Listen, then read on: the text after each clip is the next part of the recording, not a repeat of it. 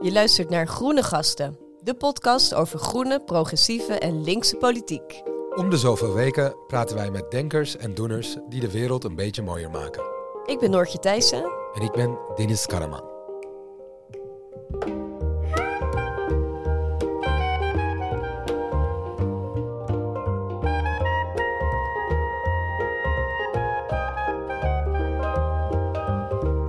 Vandaag gaan we het hebben over het MBO, het uh, middelbaar beroepsonderwijs. Dennis, wat heb jij met dit uh, thema? Uh, heel lang heel weinig. ik kwam niet echt in aanraking met het MBO. Ik heb een universitaire opleiding gedaan. maar ik heb een tijd geleden werkte ik bij Stichting Sex Matters. en daar gaven we gastlessen over seksualiteit, gender en consent op middelbare scholen en op MBO's. Uh, dus toen uh, heb ik echt, wat is het, uh, twee jaar lang heel veel gastlessen verzorgd op MBO's. En dat was voor mij dat ik één merkte dat ik in een bubbel leefde. dat het, het MBO kende ik alleen van, van kranten en zo. Dus het was voor mij echt van, ah ja, treed uit je bubbel, Dennis. en het was ook heel bijzonder, omdat het een soort van rare feest van herkenning ook was. Uh, ik zag in die leerlingen ook veel meer mezelf terug. En als wij dan bijvoorbeeld op gymnasia of zo dezelfde lessen gaven, kreeg je heel veel wens, uh, sociaal wenselijke antwoorden. En, uh, en op het MBO voelde het gewoon heel real. het was echt, ja, ik weet niet. Ik vond het echt heel, heel nice, heel, heel divers en heel um, voor mij ook weer een soort van een spiegel van. dat als je alleen maar mensen om je heen hebt die op je lijken qua opleiding, qua whatever, dat je de wereld niet genoeg kent. En jij? Noortje? Nou, ik moest uh, denken aan toen ik elf was en de CITO-toets moest doen. En toen vervolgens de CITO-score kreeg. Uh, en dat was uh, MAVO. En toen kwam ik thuis en daar zat een hele teleurgestelde moeder op de bank. En um, ja, ze zei toen tegen mij, ik weet dat er meer in jou zit. En dat raakte mij toen heel erg, omdat ik dacht, hoezo meer? Dit is toch ook goed als dit is wat het is? En dat heb ik toen ook tegen haar gezegd. En uh, jaren later hebben we het ook weer hierop teruggeblikt. En uh, nou ja, ook wel erover gehad. En dat ze ook zoiets had van, goh, ja, misschien uh, hè, dat ik de verkeerde woorden erbij gebruikte. Um, maar goed, in ieder geval, mijn moeder luistert altijd naar deze podcast. Dus ik weet niet of ze het leuk vindt dat ik dit nu weer zo vertel. Uh, maar goed, dat was wel mijn herinnering daarbij. En ik denk ook dat het heel relevant is voor de aflevering die we vandaag hebben. Uh, juist vanwege dat hele frame van hoger en lager, beter en minder. Uh, dat was toen uh, heel dominant. En volgens mij is het de ambitie om dat te gaan kantelen. En daarover gaan we het vandaag hebben met GroenLinks-Kamerlid Kautar Bouchalikt. jij bent onder andere woordvoerder MBO, maar je hebt ook een bredere portefeuille dan dat. Wat is je hele portefeuille? Hallo, ten eerste leuk om hier met jullie dit gesprek te mogen voeren. En ehm, nou ja, goed, ik doe inderdaad het dossier MBO, daarnaast uh, digitale zaken, uh, koninkrijksrelaties en INW, infrastructuur en waterstaat. En dat gaat onder andere over uh, milieu en openbaar vervoer. En um, hoeveel tijd ben je kwijt aan het MBO ten opzichte van die andere thema's? Oh ja. Ja, het is eigenlijk elke week een verschillende cocktail. dus de ene week ben ik meer bezig met het andere thema. Afhankelijk van ehm, de debatten ook van die week. Uh, waar ik de afgelopen maanden wel veel heb geïnvesteerd qua tijd in het MBO, is werkbezoeken. Uh, ik ben eh, een paar weken, bijna elke vrijdag op werkbezoek geweest naar MBO-instellingen in het hele land. Juist ook omdat ik het belangrijk vind dat op het moment dat we politiek maken over de mensen, dat we die mensen ook spreken en daarvan leren. Dus een deel van mijn tijd gebruik ik ook heel erg bewust om dat gesprek aan te gaan en te leren van hen die uh, de expert zijn op dit gebied. Want wat is jouw uh, eigen opleidingsachtergrond eigenlijk? Ik heb ook universiteit gedaan. En um, mijn kennismaking met het MBO, uh, nee, goed, ik zag het wel meer in mijn omgeving, familie en zo. Uh, waar ik het wat beter leerde kennen was toen ik bestuurslid werd bij het LAX. Dat is een scholierenbelangenorganisatie. en het was superleuk dat wij ons kantoor deelden met Job. En Job bestaat nog steeds, evenals het LAX. En het Job is de studentenvertegenwoordiger van het MBO. Dus dan zit je bij elkaar te lunchen of te borrelen. En dan hoorde ik allerlei verhalen van uh, problemen die daar speelden. En uh, waar zij tegenaan liep als het ging om contact met de politiek.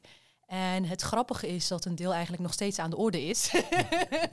en het is heel bijzonder en uh, eervol om En nu vanuit deze rol te proberen daar iets aan te doen. Ja, heel mooi eigenlijk. Bijna een soort van cirkel is rond. Toen jij bij LAX zat, klopte jij misschien bij politici aan. Ja. En Job zat naast jullie. En nu klopt het Job waarschijnlijk bij jou aan. Nou, ik hoop dat ze het zien als een open deur. dat ze niet hoeven aan te kloppen. Want wat ik net zo ook zei, ik vind het gewoon heel belangrijk om zeg maar, politiek samen te maken. En inderdaad, Job is zijn super belangrijk. Maar ook alle studenten die eh, misschien niet lid zijn van een organisatie. eh, en juist denken van, hé, hey, de politiek is niet van mij.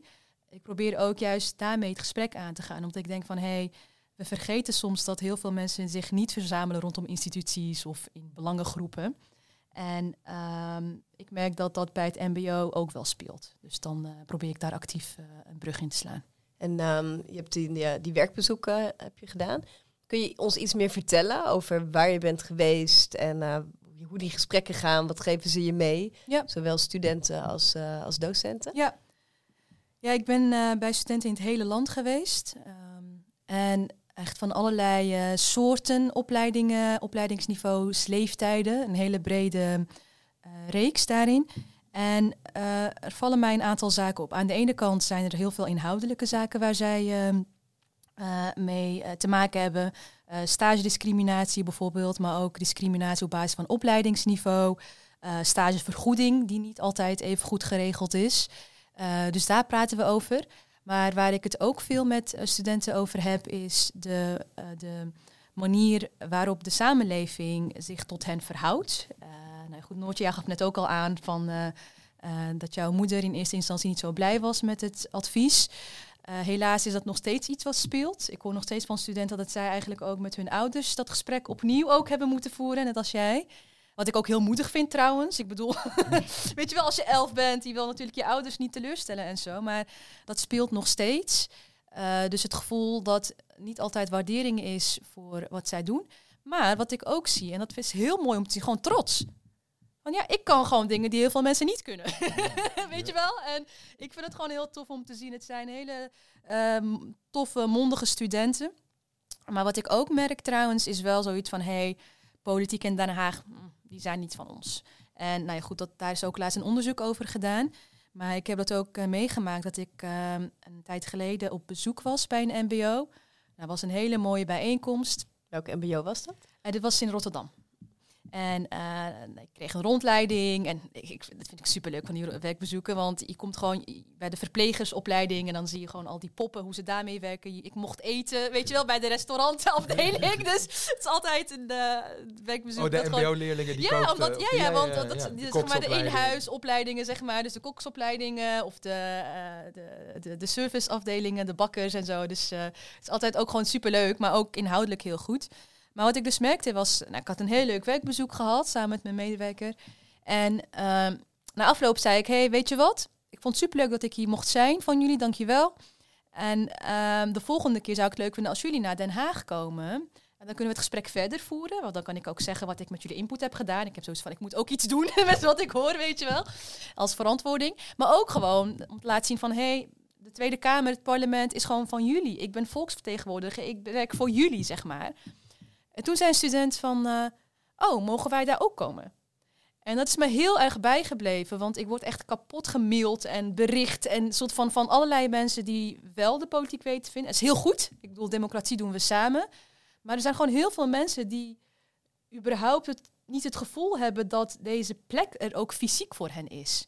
Dus in de gesprekken die ik voer, wat ik net zei, dus inhoud, uh, relatie, politiek en samenleving en mbo, maar ook van hey, probeer ook te laten zien van, hey, volksvertegenwoordigers zijn ook aan jullie verantwoording verplicht. Ik probeer ook te laten zien van, hey, jullie zijn super belangrijk als het gaat om hoe onze samenleving werkt. En uh, nou ja, goed, dat, dat zijn dan de drie dingen die ook terugkomen in mijn werk. Mooi. En toen waren ze hier in de Tweede Kamer. Wat, uh, ja, willen ze dan ook Kamerlid worden? Nou, nee, die groep, uh, die uitnodiging staat nog. Maar ik heb uh, samen met Hapta Moede Hoop van uh, Partij van de Arbeid, onder andere hierdoor geïnspireerd, uh, in aanloop naar een groot debat, hebben we via Instagram een oproep gedaan. Van hey, we zijn bezig met dit dossier, we hebben onszelf voorgesteld. We hebben toen gezegd van hey, weet je, het is belangrijk dat wat we hier proberen te regelen ook dus in samenspraak is met studenten waar het om gaat. Dus wees van harte welkom. En kijk, ik vond het super tof om te doen, maar ik vond het ook heel spannend. Want ik bedoel, je maakt zo'n filmpje en dat zet je dan op Instagram en dan is het fingers crossed, weet je wel. Maar wat ontzettend mooi is, is we kregen echt superveel reacties. En we hebben toen een, eh, een middag georganiseerd met een inhoudelijk gesprek, een rondleiding in de kamer en uh, pizza's. En we hadden echt studenten uit het hele land, eh, van verschillende soorten opleidingen. En ik keek zo om me heen en ik dacht, ja, dit is het. Dit is waar we het voor doen. Dit zijn de mensen om wie het gaat. En um, wij mogen als politiek ook wel wat vaker luisteren. Dat is wat ik daarvan heb geleerd. En wederom weer de inhoudelijke aspecten die altijd wel uh, ook aan de orde komen. Dus uh, ja, dat. We zullen straks uh, ook nog uitgebreider stilstaan, denk ik, bij nou ja, de problemen hè, die er zijn voor MBO-studenten en hoe jij die wil oplossen. Maar toch nog heel even over dit politieke gedeelte. Uh, want de term diploma-democratie hoor je vaak vallen. Uh, nou ja, dat betekent eigenlijk vooral dat degene die hè, het beleid maken en besluiten nemen over hoe ons land eruit ziet, toch door uh, hoger opgeleide of theoretisch geschoolde, moeten we eigenlijk zeggen, gemaakt worden. Hoe, hoe, ja, hoe probeer jij dat te doorbreken? Hoe probeer jij dan daar een betere spiegel in neer te zetten? En ja. wat is er daarvoor nodig, zodat het ook niet ja. bij één initiatief blijft, maar dat het ook echt een verandering wordt? Ik vind het een hele terechte vraag die mij ook heel erg bezighoudt. Want um, ik probeer ook een manier te vinden dat ik niet. Um, um, ik kan er nooit tegen als mensen zeggen van ik ben hier om de stem van die en die te vertegenwoordigen.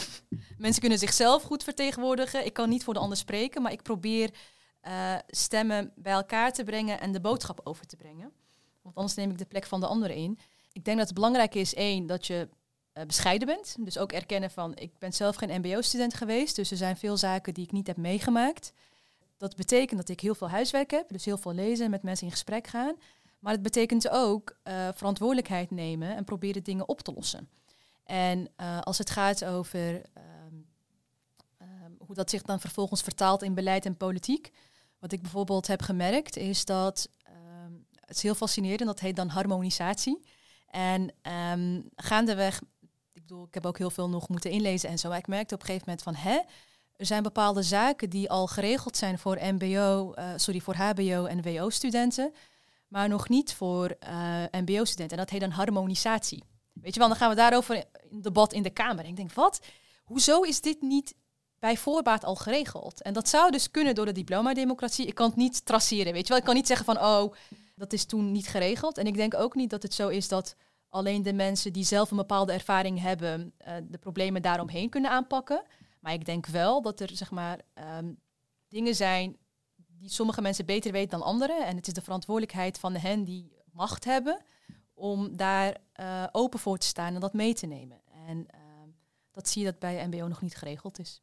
En, en is dat harmoniseren, uh, daar, daaruit maak ik op een soort van gelijk trekken? Ja, precies er is, een, is er een groeiende vorm van bewustzijn of zo van we hadden het hiervoor niet goed gedaan? Is dit dan ook bijvoorbeeld de nieuwe minister die dit inzet? Of is ja. dit hiervoor al? Ja, nee, ik merk wel dat, dat dat nu wel wat meer aan de orde is. En deze minister inderdaad, die is daar wat meer mee bezig. En, um, dus Robert Dijkgraaf. Ja, ja, Dijkgraaf. En ik vind wel... Um, weet je, ik merk ook want hij gebruikt heel vaak het woord waaier. We moeten onderwijs niet zien als een trap, maar een waaier. Dus inderdaad, het is niet, er zit meer in of minder. Maar er is gewoon een brede range aan wat wij kunnen met z'n allen. Dat moeten we zo erkennen. Dus dat vind ik wel goed. Maar wat ik ook merk, en dat vind ik wel een beetje tricky, is dat er herwaardering voor het MBO. Een deel daarvan is ook gestoeld op eigenlijk ja, de constatering dat we bepaalde beroepsgroepen heel erg nodig hebben. En dat gaat over verduurzaming, dus de mensen die inderdaad alle zonnepanelen en dergelijke warmtepompen uh, kunnen installeren. Dat gaat over de zorg, de grote tekorten. Dat hebben we allemaal gezien rondom de coronapandemie. En wat ik merk is dat eigenlijk economische belangen en um, uh, problemen nu aanleiding zijn om te zeggen: oh wacht even, deze mensen zijn wel belangrijk. En ik vind dat een beetje gevaarlijk, want ik denk: hé, hey, um, dat is heel lang niet het beleid geweest. En Noortje, jij zei net over jouw moeder. Uh, ik ga toch even misschien uh, een beetje voor haar uh, pleiten, want zij is niet de enige. Weet je wel, ik bedoel, het, is niet alleen, het zijn niet alleen ouders die dan een bepaald beeld hebben over wat beter is of minder, maar ook beleid. in 2005 werd al door de toenmalige minister in een beleidsbrief geschreven, sorry, staatssecretaris geschreven, van ehm, de overheid streeft naar meer hoger opgeleiden. Het is gewoon beleid wat is ingezet. Dus het is niet alleen cultuur, het is niet alleen waardering, het is niet alleen gevoel. Want dat wordt soms ook gezegd, hè? MBO-studenten hebben het gevoel. Nee, weet je wel, het is gewoon zo ingezet. En ehm, dat moeten we ook erkennen, van er is beleid gevoerd hier. En welke staatssecretaris was dat in die tijd? Ah, dat is, toen was dat Rutte. Die, eh, en die heeft nu dus gezien wat de gevolgen daarvan zijn. Dan schiet hij zichzelf in zijn voet. Een beetje wel. Maar wat ik dus wel zorgelijk vind, is dus... Daar moet gewoon van leren. Ik bedoel, dat is 2005, dat is geweest. Maar laten we dan niet nu, dus vandaar ook, zeg maar... De oproep ook gewoon aan onszelf, maar ook aan mijzelf. Van laten we niet naar mensen kijken op basis van tussen haakjes hoe nuttig ze zijn voor de samenleving, maar dat we ze gewoon gelijkwaardig behandelen. Dus wat je ook wil zijn of wat je ook wil worden, dat inschatten moet niet afhankelijk zijn van wat we op dat moment nodig hebben. Over vier jaar zijn het misschien weer andere mensen. Wat dan, weet je wel?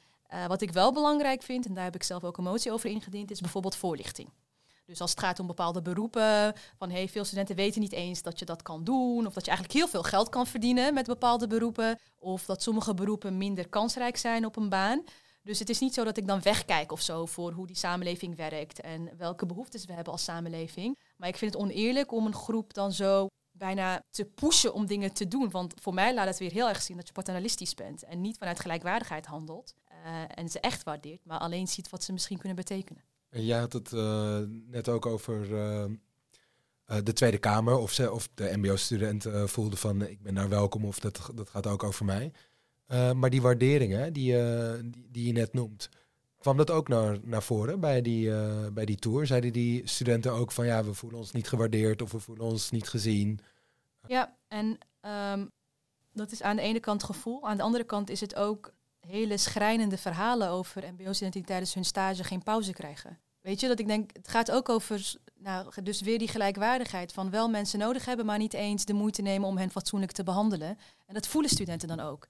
Weet je, en dan is het niet per se de politiek, om het zo maar te zeggen, die dat doet, maar wel van, oh wacht, ik word hier uitgebuit. En dan is dat de samenleving. Weet je wel, dus die dingen hangen heel erg met elkaar samen. Dus ik denk ook dat onze verantwoordelijkheid ook vanuit de politiek ook is om het bedrijfsleven aan te pakken. En ik hoor ook veel verhalen over stagediscriminatie. En ehm, waarom ik hier aan moest denken was zeg maar, de relatie tussen bedrijfsleven. Want nee, goed, die geven de stages en dat is super belangrijk voor het onderwijstraject van de studenten. Maar er wordt ontzettend veel gediscrimineerd. En ik weet nog laatst bij een debat, toen, uh, toen had de PVV echt zo'n opmerking dat ik dacht, uh, nou ja, goed, een typische PVV-opmerking. En de minister ging daarop in, want de PVV die had zoiets van, als je wordt gediscrimineerd is je eigen schuld. Want uh, dan neem je straatcultuur mee. Dat was een beetje de, de stelling. En toen uh, gaf de minister de antwoord op. En een van de dingen die de minister zei was dat uh, ja, sommige bedrijven nog steeds onbewust onbekwaam zijn. Dus niet actief discrimineren. Kijk, daarvan denk ik, daar moeten we mee stoppen met die toon. Ik vind bedrijven op dit moment, na al die onderzoeken, na alles wat we weten, na ja, het is gewoon ontelbaar. Ik vind dat we niet meer vanuit politiek moeten zeggen van oh, of vanuit de minister van oh, bedrijven zijn onbewust onbekwaam. Komen er gewoon nog te lang mee weg. Dat was misschien tien jaar geleden oké. Dus uh, Dennis, als het dan gaat over studentenwaardering, dan denk ik, ja, het gaat niet alleen direct over dat ene gesprek dat ik met ze voer en dat ze dan politiek misschien wat interessanter vinden, maar ook dat we zeg maar vanuit de politiek de samenleving zodanig inrichten in samenwerking met bedrijven. Er zijn ook gewoon mensen die het wel goed doen en goed proberen, weet je wel. Maar er zijn ook gewoon cafés die MBO's net niet toelaten. Dat moeten wij vanuit de politiek fixen. Dus dat soort verhalen hoor ik ook heel erg. Maar ook, uh, ik heb stagevergoeding volgens mij nog niet genoemd. Uh, veel sta stagiairs krijgen niet een vergoeding. En dat is ook gewoon vaak slechter geregeld dan bij HBO- en WO-studenten. Dus daar zet ik me ook voor in. En um, ja, het is gewoon, ik kan hier uren over doorgaan. en dat hoor ik dan dus ook van die studenten. En ik bedoel, we hebben het nu over theorie. En het liefst dat ik eigenlijk hadden we misschien moeten doen. Gewoon een MBO-student hiernaast moeten hebben. Dat besef ik nu ineens. Ja, ik, ik, ik ben niet de podcastmaker, maar meer van, ik besef dat nu ineens. Want ik ben nu vanuit soort van de tweede hand aan het vertellen. Maar als je gewoon zo'n student hoort. Er was trouwens een hele ehm, goede uitzending bij Nieuwsuur. En uh, dat is me heel erg bijgebleven, want uh, ze spraken toen met hun studenten. Ik vind het heel dapper dat ze dat ook zo op tv durfden te zeggen, dikke SO. En die zei van, had gewoon haar klas en die zei, ik werd gewoon constant niet uitgenodigd voor een stage. Op een gegeven moment denk je, ja, er is iets met mij aan de hand, weet je wel. En ze zei, ja, het is gewoon stagediscriminatie. En als de samenleving zo met mij omgaat, dus terugkomt op jouw vraag, Dennis, ze zei, ja, dan denk ik ook van, fuck die samenleving. Het doet gewoon iets met een hele grote groep mensen in onze samenleving. Dat we ze constant soort van wegdrukken, onderwaarderen, onderbetalen.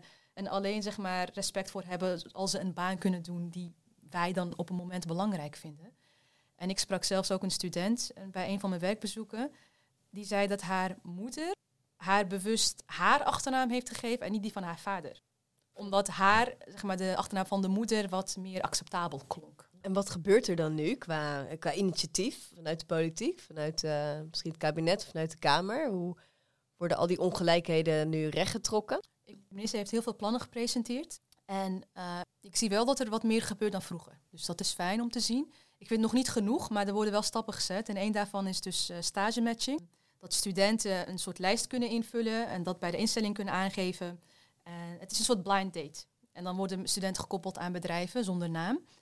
Dus daar zullen nog stappen in worden gezet. En, uh, Wat vind jij daarvan? Ik vind het jammer dat het nodig is, maar het is nodig.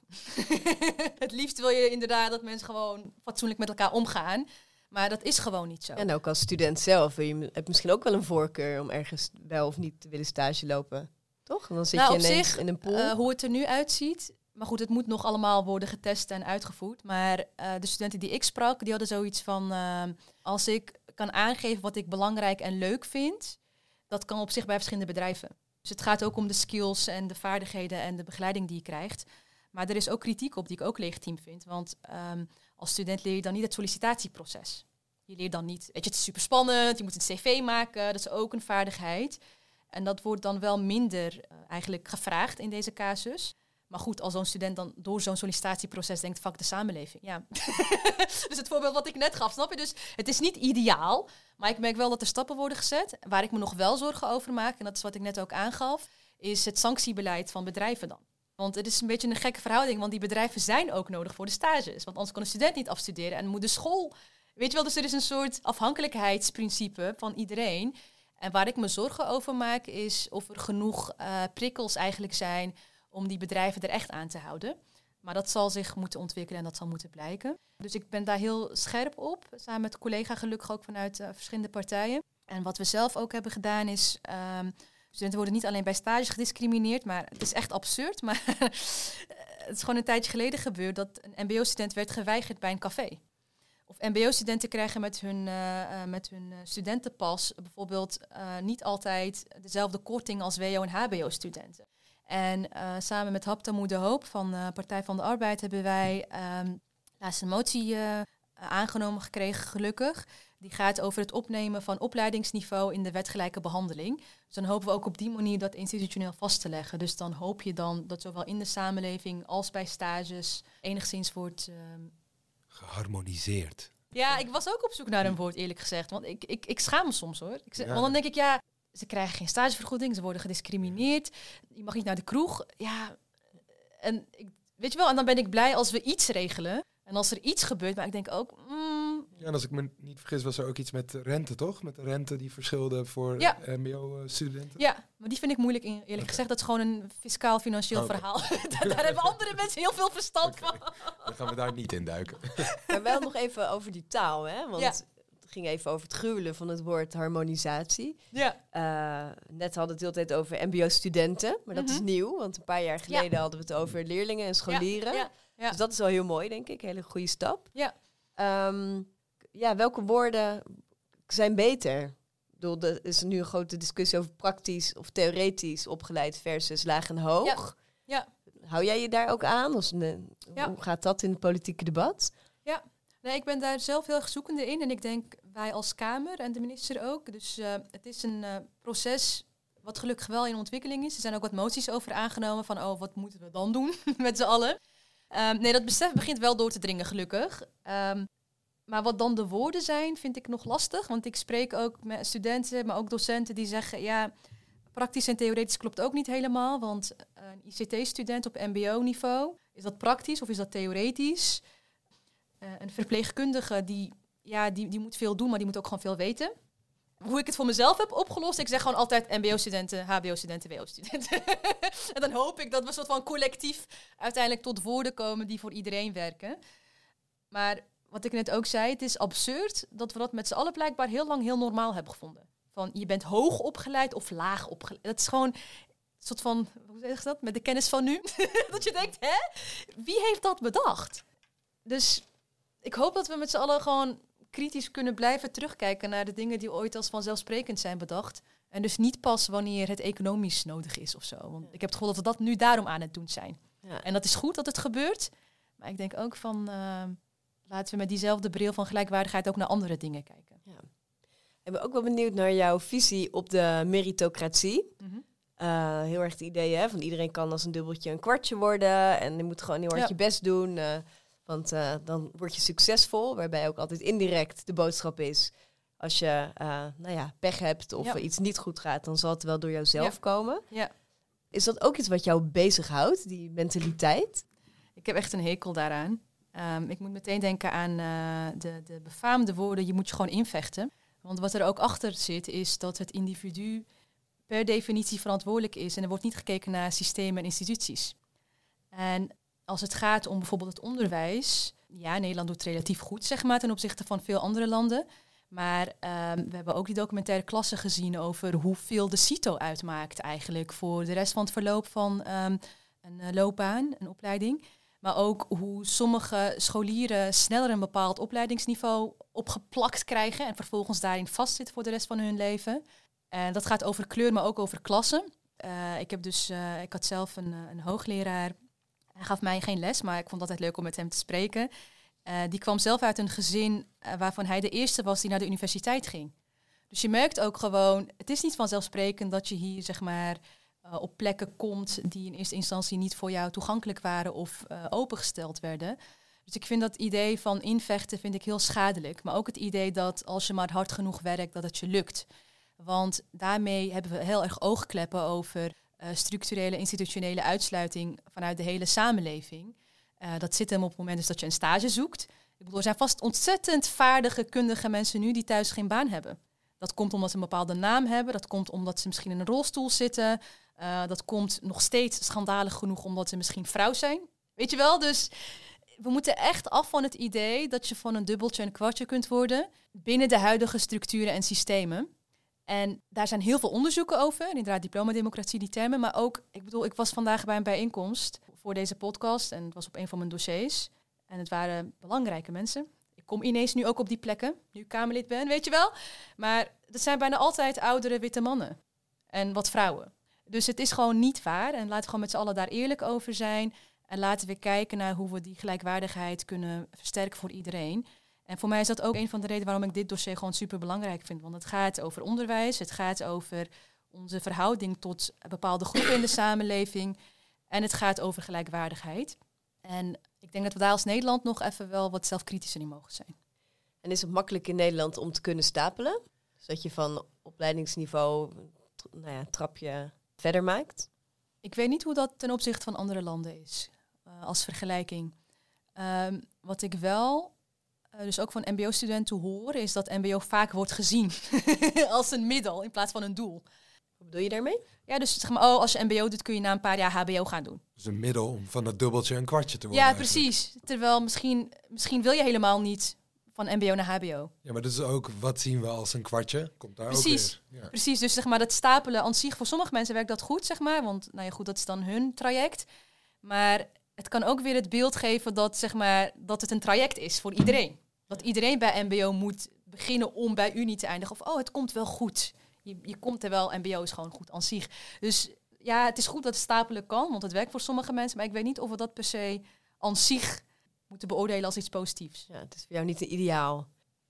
Ik moest ook denken, omdat we het nu over uh, stapelaars hebben en uh, de politieke representatie van, van mbo'ers, daar gaat het eigenlijk ook best wel vaak over. Ik weet niet hoeveel uh, mbo'ers er in de Kamer zitten nu, in de Tweede Kamer. Ik weet niet of jij dat weet.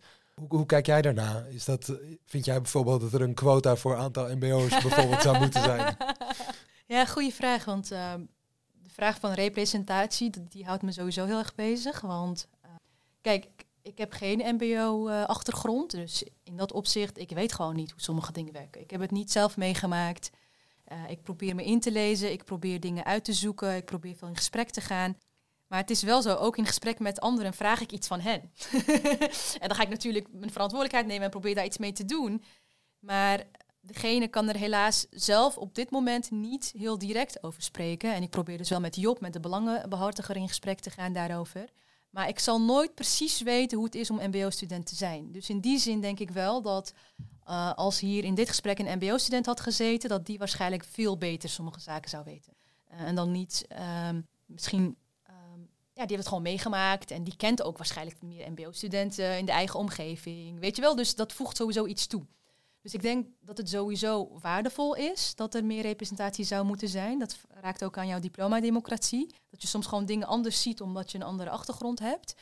En tegelijkertijd denk ik wel dat het belangrijk is dat zolang we dus niet bij het ideaal zijn, dat we allemaal bij onszelf kijken. Wat je ook aan het begin zei, weet je wel, toen jij die workshops ging geven, dat je dacht, oh, ik spreek bepaalde mensen gewoon niet. En ik spreek waarschijnlijk ook heel veel mensen in de samenleving nog niet goed genoeg. Dus ik vind gewoon verantwoordelijkheid voor ons allemaal als politici om te kijken naar welke mensen worden niet voldoende gehoord. En uh, wat zegt ze nou? With power comes responsibility. in alle opzichten dus ook nadenken over wat zie ik niet? Wat weet ik niet? Uh, en daarin ook een beetje bescheidenheid uh, tentoon te stellen, vind ik. Dus ehm, ik hoop dat ik daar mijn aandeel genoeg in doe. En ik hoop dat er genoeg mensen zijn die daar kritisch genoeg op mij over blijven. en ik hoop dat we dat met z'n allen als Kamer en als kabinet blijven doen. Omdat we uiteindelijk beleid maken voor iedereen. En dat vergeten we soms. Dus niet alleen de mensen die stemmen en niet alleen de mensen die uiteindelijk de politiek wel weten te vinden. Uh, dan gaan we nu naar de oplossingen. De minister, minister Dijkgraaf, is met volgens mij een heel, heel pakket aan maatregelen gekomen. Ja. Uh, dat is veel huiswerk. ja, ja, je hebt weer meer uh, leesvoer. wat is jouw reactie op, ja, op de missie en de herwaardering die hij heeft ingezet? Um, Nee, ik, ik, zie wel dat deze minister uh, stappen aan het zetten is. En dat waardeer ik uh, uh, wel. Wat zijn zijn belangrijkste stappen? Kun je een samenvatting geven? Nou, wat ik merk in, in zijn manier van communiceren al, dat, we hebben het net even gehad over woorden, dat doet er heel erg toe. En hij spreekt heel erg bijvoorbeeld van een waaier. We moeten naar onderwijs kijken als waaier en niet als een trap. Dus dat stapelen, dus het kan voor sommige mensen werken, maar ik vind het waaier wel leuk bedacht eigenlijk. Van, um, je hebt verschillende smaakjes en kleuren in de samenleving en voor de een werkt deze combinatie beter dan de ander. Dus ik merk dat dat wel echt uh, um, een ontwikkeling is die ik um, uh, met blije ogen uh, toezie. Ik merk ook dat er eindelijk wat stappen worden gezet. Dus als het gaat om stagediscriminatie, er worden stappen gezet in stagematching. Maar waar ik me dus nog wel zorgen over maak, en dat is waar we het net ook even over hebben gehad, is hoe, uh, hoe ver die plannen uiteindelijk gaan. Hè? Want het zijn plannen, dus we moeten nog even kijken hoe dat zich gaat ontwikkelen. En ik zie dat er stappen worden gezet, maar ik, ik, hoop dat het genoeg is. De tijd zal het moeten leren, maar ik vind wel dat we wat strenger dus bijvoorbeeld moeten zijn naar de bedrijven die nog steeds discrimineren en da daar gewoon wat meer uh, mee aan de slag gaan. En veel meer erkennen dat we nu zitten in de fouten van het beleid van 2005. en dat is politiek misschien moeilijk om te doen uh, vanuit zeg maar een ministerpost. En dat is vanuit mij uh, natuurlijk ook wat makkelijker gezegd dan denk ik voor, de, voor, voor als je in zo'n coalitie zit. Dat, dat erken ik ook wel. Maar volgens mij is het heel belangrijk om dat wel met z'n allen te erkennen vanuit de Kamer om door te kunnen. Want het is niet toevallig dat. Het is geen imago. Het is niet een gevoel. Het is niet toevallig zo gebeurd dat zoveel mensen, zeg maar, op deze manier worden behandeld. Zowel vanuit de politiek als door bedrijven, als door de samenleving. Ook zelfs trouwens op school.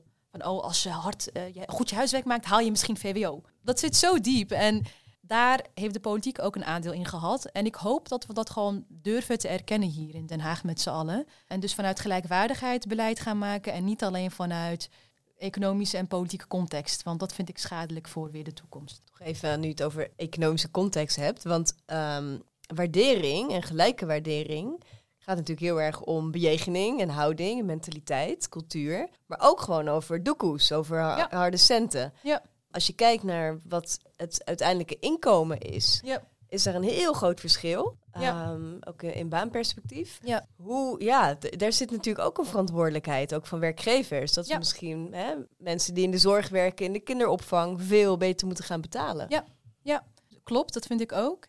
En en nou goed, je noemde, jullie zeiden ook in de introductie van de podcast groen en links en uh, sociaal. En ik weet even niet precies al welke woorden, maar dat het ook gaat over um, uh, sociale gelijkheid. Dus de mensen die veel geld verdienen, gewoon veel meer belasten. Uh, omdat het gewoon oneerlijk is dat we bepaalde groepen dan wel meer belonen. Terwijl we dus van de coronacrisis hebben geleerd, onder andere, dat we gewoon elkaar als samenleving nodig hebben. En de een is niet meer dan de ander. Maar ik vind wel dat op een gegeven moment, als jij dan meer hebt dan de ander, je meer mag bijdragen. Dus en inderdaad de mensen meer betalen die een keer moeten gaan staken. Het is toch absurd dat soort van ik bedoel, je ziet nu ook in uh, Verenigd Koninkrijk, hè, de ene groep na de andere gaat staken. Op een gegeven moment ging daar de brandweer staken. Ik dacht, ik hoop dat we nooit daar komen tot dat punt, want dat zijn mensen, is een vrij kleine groep, doen vrij essentieel werk, maar die voelen zich ondergewaardeerd. En geld is dan inderdaad het middel, maar ik hoop dat we niet in een samenleving gaan leven, dat inderdaad de verpleegkundigen, de, de, scholen, de, de, de, hoe heet het, de leraren en zo het gevoel hebben van, oh, ik word niet gezien en erkend in deze samenleving. Dus voor mij gaat het ook heel erg over hoe richten we de samenleving in en zien wij ook vanuit die gelijkwaardigheid dat iedereen daarin nodig is. En betalen we ook op die manier. Dat is gewoon nog niet aan de orde. En ook docenten. Volgens mij zijn er ook grote beloningsverschillen als je eh, op het mbo les geeft of eh, op de universiteit. Ook nog iets uh, wat, nou, of waar de minister mee aan de bak moet of jullie als Kamer? Ik heb me, tot nu toe heb ik me vooral bezig gehouden met studenten.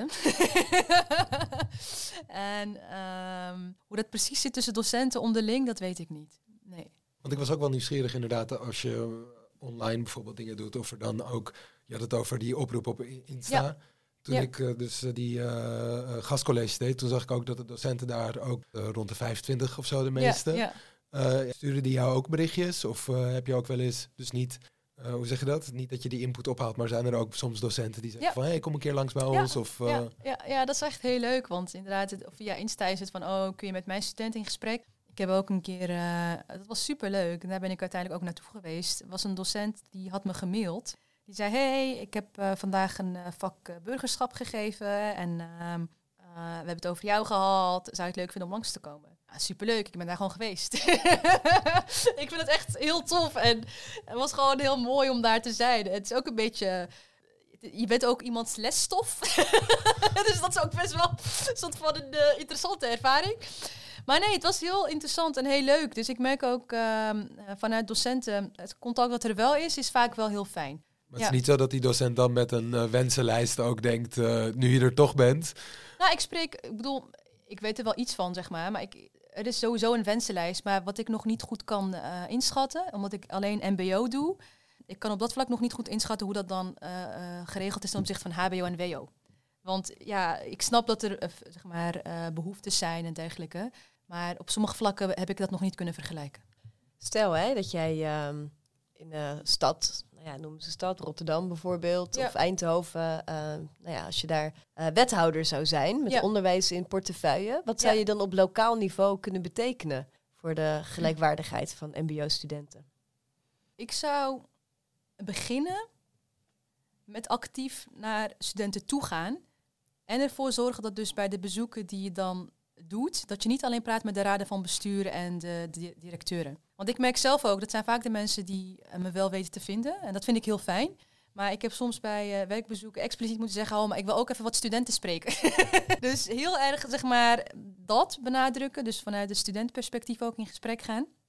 En ik noemde net ook bijvoorbeeld het voorbeeld van zo'n café dat zo'n uh, student met een MBO-achtergrond had geweigerd. Nou, ik zou daar gewoon heel goed mee in gesprek gaan en kijken hoe je dat als voorbeeld kunt gebruiken, zeg maar, voor de rest van je beleid op lokaal niveau. Dat je heel duidelijk signalen zendt van hé, hey, dit accepteren we gewoon niet in onze stad. En um, wat ik ook heel goed vind, dat heb ik bij een, um, ook op een werkbezoek geleerd, was heel mooi om te zien dat er lokaal werd er uitwisseling georganiseerd tussen MBO-instellingen en universiteit en HBO's. En dat was echt super tof, omdat dan studenten vanuit verschillende geledingen eigenlijk Ehm, en dit was specifiek de techniekopleiding ook, dat ehm, ze van elkaar leerden van, oh wacht, student van de één opleidingsniveau, die kan heel mooi modellen maken in 3D, maar die heeft geen idee hoe dat in elkaar moet zetten. En een student van de andere kant, die weet precies hoe je zoiets moet maken. Dus je kan ook, zeg maar, op lokaal gebied kan je die verbindingen leggen en daarmee dus ook uh, laten zien dat elk soort student belangrijk en nodig is. Dus ik zit een beetje in die hoek te denken dan. Nou, net was je wethouder. Uh, stel, uh, we hebben een vaste eindvraag. Stel je zou minister worden met deze portefeuille onder je Wat zouden dan de ja, drie belangrijkste dingen zijn die je zou proberen te bereiken? Bedrijven dwingen om hun studenten stagevergoeding te geven. Uh, sorry zeggen tegen MBO-studenten. Excuses, heel actueel. nee, maar even serieus. Ook een soort van erkennen van... hey, hey, ja, sorry, we hebben gewoon stom beleid gemaakt afgelopen. En dat kan, weet je. Je kan ook tot nieuwe inzichten komen en zo. Ik bedoel, dat is niet... Uh, het is niet schande of zo, maar gewoon erkennen, hey, beste studenten, we hebben fouten gemaakt. Uh, hoe gaan we nu verder? Ehm, en drie, dat, dat raakt denk ik ook aan jouw vraag eerder, Dennis. Dat ging over uh, representatie. Nadenken over manieren om, niet alleen MBO-studenten, maar ook andere groepen waaruit duidelijk blijkt dat ze zich niet gehoord voelen, om daar iets mee te bedenken. Gesprek in het katshuis bijvoorbeeld. Ik, ik weet dat dat voor sommige mensen heel veel betekent. Dus een manier vinden om zeg maar structureel, naast natuurlijk de politieke parlementaire wegen, uh, wel contact te houden. Uh, en daarvoor open te staan. Mooi, mooie uh, boodschap lijkt me. Um, nou ja, we komen op het einde van de podcast terecht. Oh, maar ja. heel wow. even nog een laatste vraag aan jou mm -hmm. hierover. Over hoe belangrijk het is om in contact te staan. Hoe kunnen docenten en studenten nu met jou in contact komen om verder te praten over dit thema? Ja, dat kan op verschillende manieren. Ik word dus ook nog wel eens gemaild. maar dat is heel grappig, want er is een soort range van wie mij mailen en wie mij zeg maar via TikTok een berichtje sturen. Nee, het is echt een hele brede range. Maar wat ik ook wel merk is, um, uh, en dat is ook even, dat zou ik als minister misschien ook doen, op TikTok gaan. ja, nee, ik, ik denk dat we Um, ik vind dat je ook moeite moet doen, zeg maar, uh, als bestuurder of als politicus of whatever, om in contact te zijn met mensen ook op de manier die zij zelf prettig vinden. Um, dus ik heb mensen met wie ik mail, maar ik spreek uh, studenten ook via TikTok bijvoorbeeld. Of ik hoor veel van studenten dat zij via TikTok contact onderhouden. Uh, Instagram is ook een, een, medium waarvan ik het belangrijk vind om uh, politiek en mensen te verbinden. Dat gebeurde ook heel specifiek met de uitnodiging. Weet je wel, we maakten een filmpje en toen kwamen mensen naar de Kamer. We hebben gesprekken gevoerd. En onder andere mede door die gesprekken hebben we beleid kunnen maken. Dus voor mij is dat een soort um, mix om als volksvertegenwoordiger die rol op te pakken. Dus uh, kan op de manieren die mensen het fijnst vinden. Oh, ik heb trouwens ook ontdekt dat LinkedIn. Dat, dat heel veel mensen daar. Dat is heel leuk, zeg maar. Want ik, ik, ik zat meer op andere social media, weet je wel. Op een gegeven moment besefte ik, oh ja, LinkedIn, dat is ook weer. Dat was een beetje buiten mijn bubbel. Ik, ik was niet heel actief op LinkedIn, maar de laatste tijd ben ik wat actiever op LinkedIn, omdat gewoon daar weer andere mensen. Dus laten we elkaar gewoon vinden op de manieren die voor uh, elkaar werken. Mooi. Dankjewel voor je komst en je openheid en je goede ideeën. nou, dan nog een beetje eigen reclame voor het wetenschappelijk bureau GroenLinks. Uh, want vind je het nou heel belangrijk uh, dat wij meer van dit soort podcasts maken? Uh, dan waarderen wij het heel erg als je sterretjes wil geven, zodat we ook gevonden worden door andere luisteraars. En je kan ons ook financieel steunen door vriend te worden van het wetenschappelijk bureau. en daarvoor terug krijg je dan nou ja, bijvoorbeeld gratis toegang tot onze evenementen die we organiseren. in de show notes nemen we op hoe je dat kan worden.